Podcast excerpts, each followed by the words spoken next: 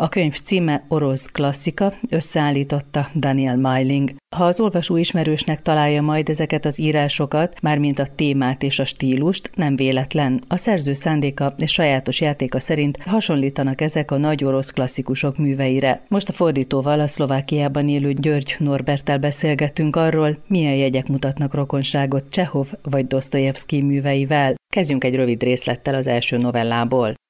Bár Larissa Dimitrievnát Lev fizikailag soha nem vonzotta, más körülmények között talán engedett volna a kísértésnek, hogy bizonyos estélyeken a leginkább körülrajongott élő irodalmár társaságában mutatkozzék, de jelen helyzetben nem tehetett mást, mint elutasítani a szerelmi közeledést. A szíve már foglalt volt, hónapok óta gyöngéd érzelmekkel viseltetett Gennagyi Samsonov, a Gorizont kiadó főszerkesztője iránt. Szerette azt a mélabús ábrázatát, amelyel a fiatal kezdőszerzők kéziratait studírozta, és azt a finom kultivált mozdulatot, amelyel az íróasztaláról fölemelte a korrektori ceruzát. De a tekintélyét is szerette, amikor rossz indulatúan belenevetett e szerzőcskék szemébe és gondolkodás nélkül tűzbe vetette a fércműveket, amelyek fölött talán hónapokon át ültek a szerencsétlenek, és amelyekről azt gondolták, hogy sikerült belefogalmazniuk a világegyetem lényegét. Larissa Dimitrievna szerette Gennagyit, annak érzékeny és agresszív oldalával együtt. Azt viszont képtelen volt megérteni, hogy Gennagyi kedvenc szerzője miért éppen le Lev Levovics volt. Az író azt gondolja, hogy ő a,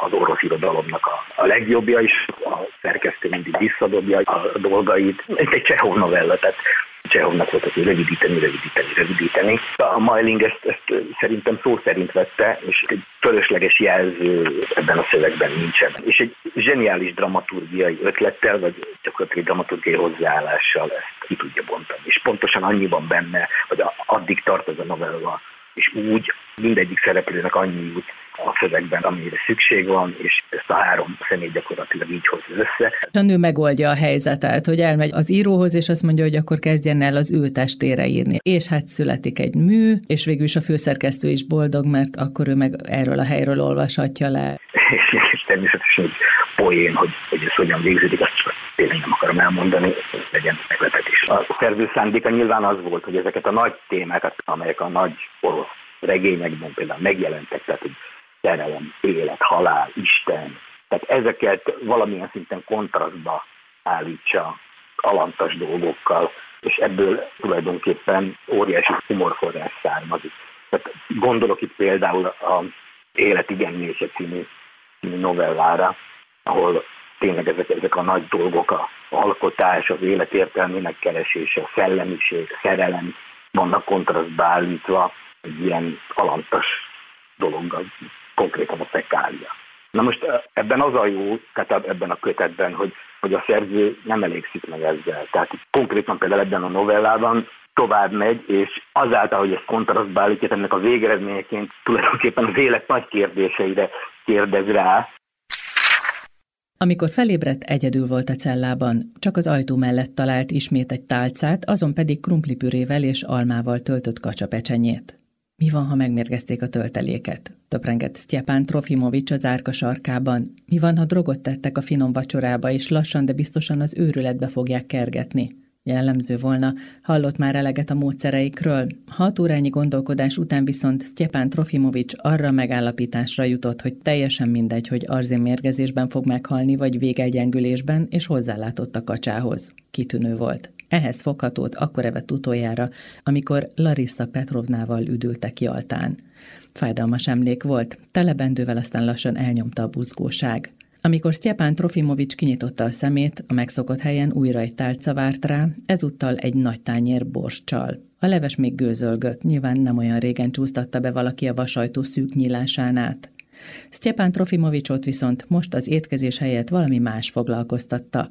Az elmúlt napok laktató vacsoráitól rájött a szükség, görcsöltek a belei, de a cellában vécét nem talált. Még egy lyukat sem a padlóban, ami ezt a célt szolgálhatta volna.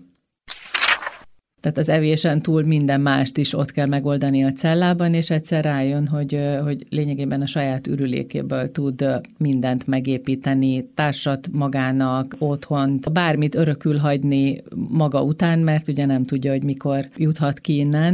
Tehát itt aztán természetesen abszurd és, és tulajdonképpen perverz módon teszi fel ezt a kérdést, de, de valójában valamilyen értelemben válaszol arra tehát hogy az élet értelmének a keresésére. Azért elég különös történetek vannak itt egészen onnantól, hogy összemosódnak az állatok és az emberek közötti határok, vagy elmosódnak, és van itt egy író, aki többször is visszatér a kötetben, aki Igen. az állataival kommunikál, embernevű állataival, akik az életben... Szer- szerelmes a tyúkba, tehát a baromfi udvaron, nem, nem tudom már nevét, nem emlékszem rá, a hölgynek, ugye idézőjelben, a szerelmét éli meg ezzel a tyúkkal, és a tacskó, aki a, aki a kutya, ez az féltékeny lesz, és, és megöli a tyúkot. Tehát egészen abszurd. Viszont itt is ugyanarról van szó, mint az előbbi novellában, hogy, hogy mélyebb emberi tulajdonságokról és dolgokról beszél. Tehát meg tudja szólaltatni ezt a regisztert is. Állatoknak ad emberi gondolatokat, érzéseket, és ugye nem mindegy, hogy milyen állatnak, tehát mondjuk amikor a disznó azon gondolkodik, hogy, hogy végül is neki van egyedül leginkább oka az öngyilkosságra, mert hát eleve sértés a neve,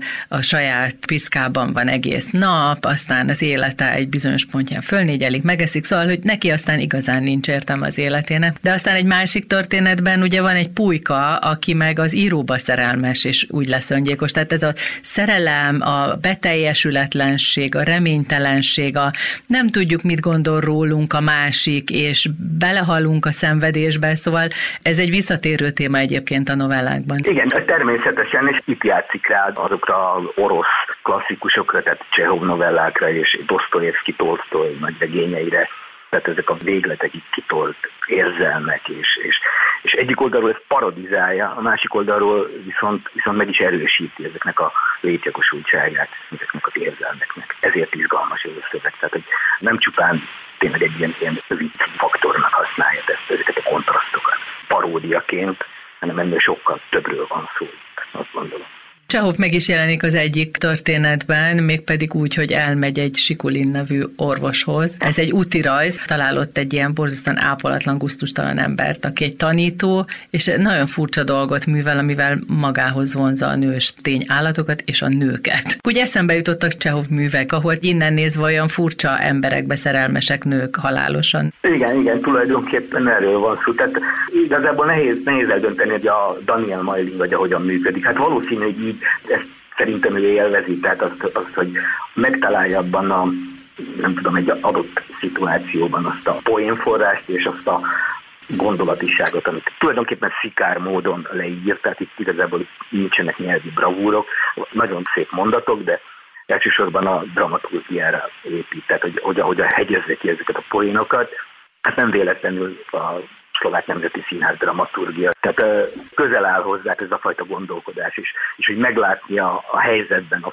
egy, egyrészt a komikumot, másrészt a mélységet. Igen, valami tragikusat is, mert itt is ugye nem tudjuk, hogy ez a vendéglátó, aki ezt Csahov megérkezett, ez az orvos, ez miért ennyire morcos és undok. És aztán kiderült, hogy tulajdonképpen az ő feleségét is igen, igen, meghódította ez a furcsa tanító. Ilyen értelemben is rezonál a, például a Csehov drámáira. Tehát a Csehov, ha jól tudom, ezeket komédiáknak szánta, tehát a három nővér és a Ványa bácsit és komédiáknak szánta. És azon túl, hogy ezekben megjelenik ez a végtelen szomorúság, kiszolgáltatottság és, és, és, és a vágyat, sokkal mélyebb regisztereket sikerült megszólaltatni, és valahol szerintem ezt is igyekezett a, a mai ezekben a szövegekben, tehát hogy ez, ez a kettőség, mert hogy eleve egy ilyen paródiának, egy vicces szövegeknek szánta, de ugyanakkor úgy megírni ezeket a vicces szövegeket, hogy ennek legyen egy ilyen mélyebb regisztere. Mi a helyzet a műfajokkal? Ugye van napló részlet, úti jegyzet, sőt, epilógusa van mindig a, a történeteknek. Nagyon régen olvastam, mint Dostoyevsky, emlékszem, hogy vannak ilyen, hogy epilógus is, tehát ennek a paródia is erre játszik rá és amikor úgy érzi, hogy ott valamit össze tud sűríteni, tehát dramaturgiai értelemben, akkor ott vannak ezek az epilógusok, többnyire ott vannak.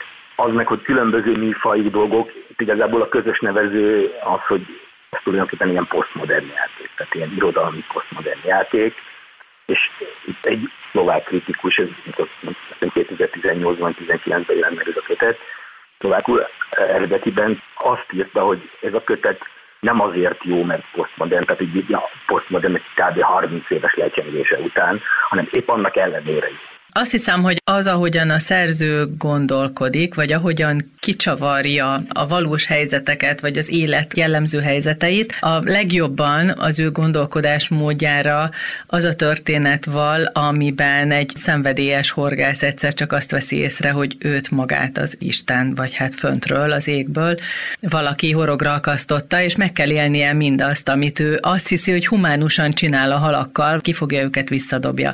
Hihetetlen nagy ereje van ennek a novellának, én azt érzem. Hát nyilván itt is eljátszik azzal a gondolattal, hogy most tényleg mi nem tudom, attól humanistának gondoljuk magunkat, hogy kvázi sporthorgászok vagyunk, és nem azért fogjuk ki halat, hogy megöljük, hogy is megegyük, hanem a szórakozás kedvéért, és aztán visszadobjuk humánus módon. Persze természetesen ilyen túlzott, tehát eltúlzott formában ezt így vissza, visszacsapja az emberre, tehát igen, ezt eljátsza vele, és akkor kvázi megint csak túlzó módon rámutat azokra a szenvedésekre, és akkor mennyire nagy vonalú a, az Isten, hogy akik aztán fotózkodnak ott, nem tudom, szentekkel együtt, és aztán visszadobja a földre.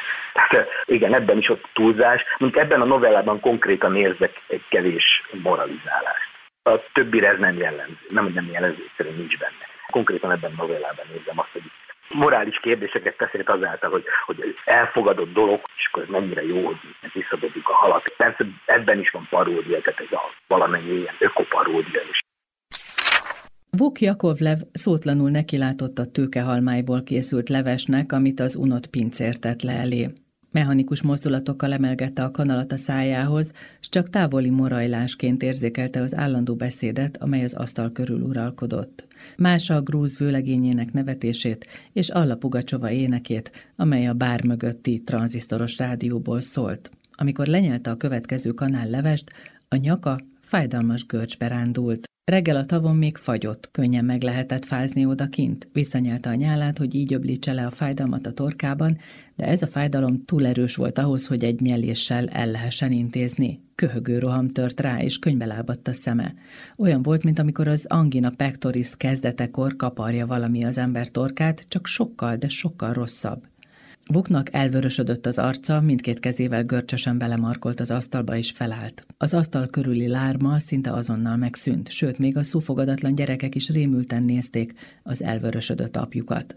Az apuka nyakában a fájdalom már elviselhetetlen volt, a nyelőcsöve és a szájpadlása pokolian égett, mintha egy izzó horgot akasztottak volna belé. Fuldokolni kezdett, és a rémült családtagok nem kis megdöbbenésére a leveses tányérba köhögött egy vértócsát. Vuk Jakovlev iszonyodva vette észre, hogy a levesébe valaki egy kis horgocskát rakott, a horgocskát, ami eddig mélyen a torkába volt fúródva, valahol az Ádám csutka alatt. A szerkesztő szájában ekkor hirtelen megfeszült egy damil, és úgy érezte, hogy ez a feszítés bármelyik pillanatban kitépheti a garatot a belső szerveivel együtt. Eközben a damil Vuk Jakovlevet kivonszolta a vendéglőből a Gorki prospektre. Ha egy kicsit is enyhíteni akarta a kínokat, Vuknak nem maradt más választása, mint engedelmesen arra felé caplatni, amerre az ismeretlen erő húzta. Érdemes arról beszélnünk, hogy milyennek az ő hősei. Többnyire kis emberek, akik ugye a saját életüket végig bukdácsolják, szóval hogy semmi nagyszerűség, semmi nagy siker, kiemelkedő tehetség valamiben. Tulajdonképpen kis emberek, hatalmas vágyakkal, kis emberek, akik valamit gondolnak magukról, és van, van valamiféle ilyen morális szintjük, amit, amit, amihez mereven ragaszkodnak, mindenféle értelemben, tehát a szerelem, az életvitel, a, tehát mit tartanak helyesnek, és ez így sokszor azt hiszem majd minden novella erre van felhúzva, hogy mikor ezek, a, ezek az értékek, amelyeket ők helyesnek tartanak, de találkoznak a valósággal, illetve egy, egy még annál is alantasabb dologgal. És ebből tulajdonképpen dráma születik. Nem csak poén, nem csak paródia, hanem valódi emberi dráma. Ugye ez előbb a moralizálásról beszélgettünk, és van ez a napló, ahol látunk valakit, aki az öngyilkosság gondolatával foglalkozik végig, mert elment egy temetésre, és elgondolkodott azon, hogy tényleg mi is marad utána, hogy hogyan reagálnak majd az emberek, ha ő meghal, hogy mondanak-e jót róla, és hát mindenki nyilván ezt várja, hogy valami jót mondanak. És aztán az ő nagyon kiszerű élete, a napló utolsó bejegyzésében azon, hogy csak baklövések halmaza volt az élete, végigviszi, hogy miért miért is nem lesz ő öngyilkos, vagy hát, hogy kéne, de hogy milyen macerás mondjuk halálnemet is választani, meg egyáltalán. Igen, és ott, ott is eljut egy ilyen, ilyen paradox végkövetkeztetési. Tehát, hogyha ő konkrétan ez a, ez a figura, ha képes volna arra, hogy öngyilkosságot kövessen el, akkor tulajdonképpen nem is akarna már öngyilkosságot elkövetni, mert akkor például akkor volna benne annyi akaraterő, hogy bármi mást meg tudjon tenni. És épp azért nem követel öngyilkosságot, és épp azért akar elkövetni öngyilkosságot, de nem tud, mert valójában a saját életével sem tudott úgy kezdeni. Tehát a valós helyzetekre nem tudott megfelelő válaszokat adni, és itt ez a fantasztikus paradoxon, hogy, hogy, hogy akkor tulajdonképpen is soha nem fog öngyilkosságot elkövetni, és azért, mert semmi mást nem tudott megtenni. Vagy, vagy Végigcsinálni, semmihez nincs kitartása. Igen, igen. igen, igen, igen. És igazából az egész életének nincs tétje ezáltal annak sincs tény, hogy most öngyilkosságot kövessen.